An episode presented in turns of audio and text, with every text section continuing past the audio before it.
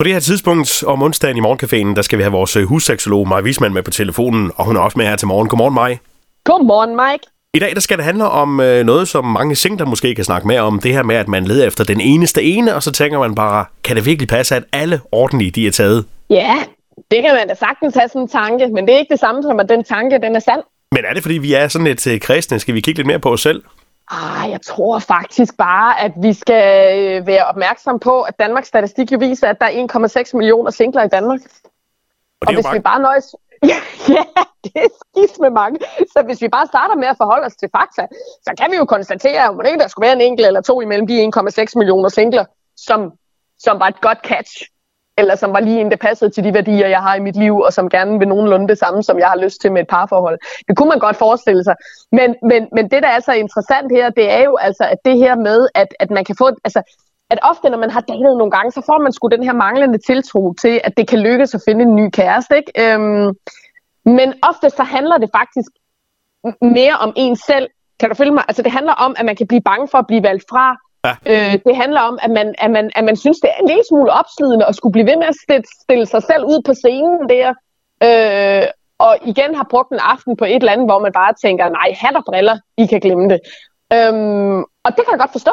Altså det, der er en lille, det kan da være en lille smule anstrengende. Så, så, så, så, så hvis man skal kigge på sig selv, så tænker jeg, så er det måske der, man skal kigge.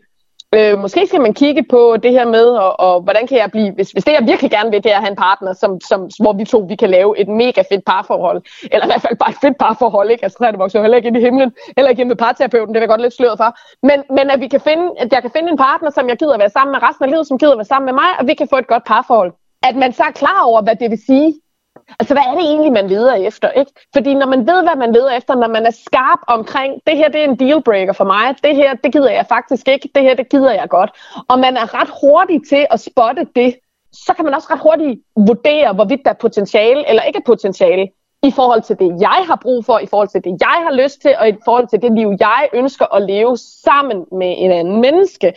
Men hvis ikke man har styr på det, så kan der altså ofte ske det, at man bruger for lang tid på at date den samme, og hvis man så som måske, altså det er simpelthen to puslespilsbrikker, der ikke passer sammen. Lad os sige det på en anden måde, metaforen, som jeg plejer at bruge på min single workshop, når jeg arbejder med singler i min praksis. Prøv at høre, du skal jo lade være med at købe dig en Toyota Aygo, hvis du i virkeligheden har brug for en stationcar. Der, der er masser af andre, der passer til den partner, man dater, men det gør man bare ikke selv. Og det er okay.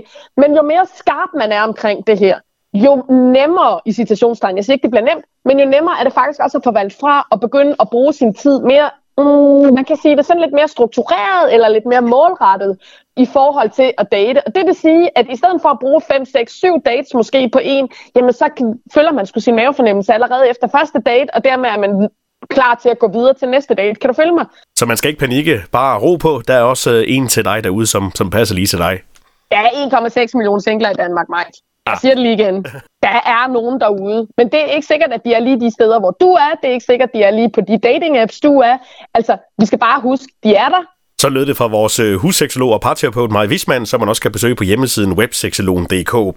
Du er med igen næste onsdag, Maj, og det er lidt en hemmelighed, hvad vi skal snakke om. Det er det. Vi behøver ikke løfte sløret for alt. Nej, på genhør og god dag. Tak lige måde, Mike.